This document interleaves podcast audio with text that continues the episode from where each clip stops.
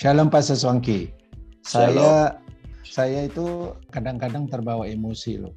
Di, di kerjaan atau di di tempat lain bahwa saya terganggu nih dengan kata orang tentang saya itu kurang berdampak atau saya itu tidak ada rasanya gitu ya. Ada saya atau nggak ada saya sama aja. Bahkan kalau ada saya lebih bermasalah gitu. Saya sering terbawa tuh. Gimana nih Pak Soswangki? Uh, mungkin ada satu ayat yang kita bisa ambil itu dari Matius 5 ayat 13 waktu itu Tuhan Yesus khotbah di bukit jauh sebelum dia uh, meninggal atau mati di salib dan bahkan mengirimkan Roh Kudus untuk tinggal dalam hidup kita. Dan di situ satu daripada pengajarannya berkata dengan jelas bahwa kita itu adalah garam dunia. Dan garam itu sebenarnya saya pelajari kalau garam itu murni tidak bisa menjadi asin.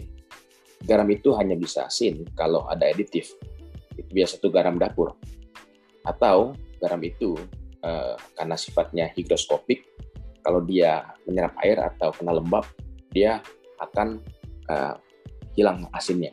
Jadi prinsipnya sebenarnya garam yang murni itu tidak bisa hilang asinnya. Jadi pasal satu, Tuhan Yesus bilang berkata bahwa kita adalah garam dunia kita itu pasti memberikan rasa kepada dunia ini. Dan ini hanya masalah kita percaya atau tidak percaya.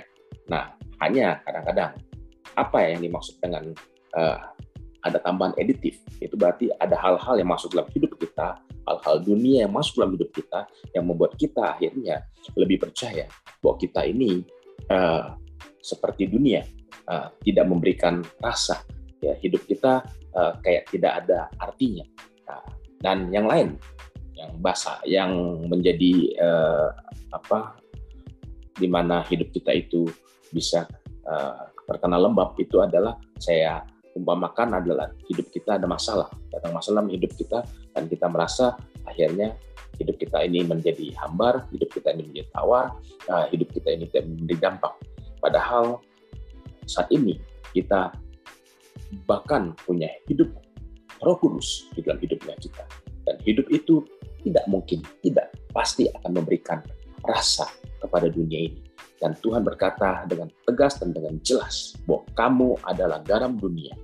Dan tidak mungkin kalau Tuhan sudah katakan demikian, itu bisa menjadi berubah. Hanya jika berubah kalau kita tidak percaya. Kita lebih percaya kepada dunia dengan tambahan-tambahannya, dan kita lebih percaya kepada masalah kita yang kita lihat mungkin lebih besar daripada apa yang dikatakan Tuhan mengenai kita. Jadi hari ini hanya tinggal kita pilih. Pilih mau percaya apa yang Tuhan katakan mengenai kita, atau apa yang kita alami, atau apa yang dunia ini masuk dalam hidupnya kita. Itu aja ya kira-kira. Amin. Thank you, Pastor Swanky.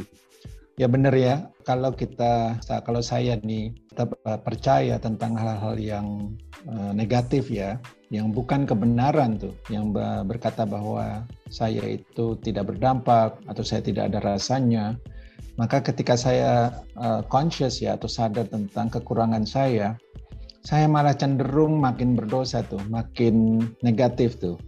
Saya makin makin justru jatuh dalam perbuatan yang nggak baik itu, uh, bersungut-sungut atau negatif negatif behavior ya. Tetapi ketika saya percaya apa yang Pastor Swanky katakan, uh, percaya saja kepada Tuhan Yesus apa yang, yang Tuhan kata itu. apa yang Tuhan katakan. Oh, iya betul. Jadi Pastor Swanky mengingatkan saya tentang apa yang Tuhan katakan dan Tuhan Yesus itu sudah ada di dalam saya. Dan ketika saya uh, diingatkan tuh, uh, seperti Pastor Swanky mengingatkan saya, bahwa Tuhan Yesus itu tidak berkata kamu tidak berdampak, tetapi kamu adalah garam.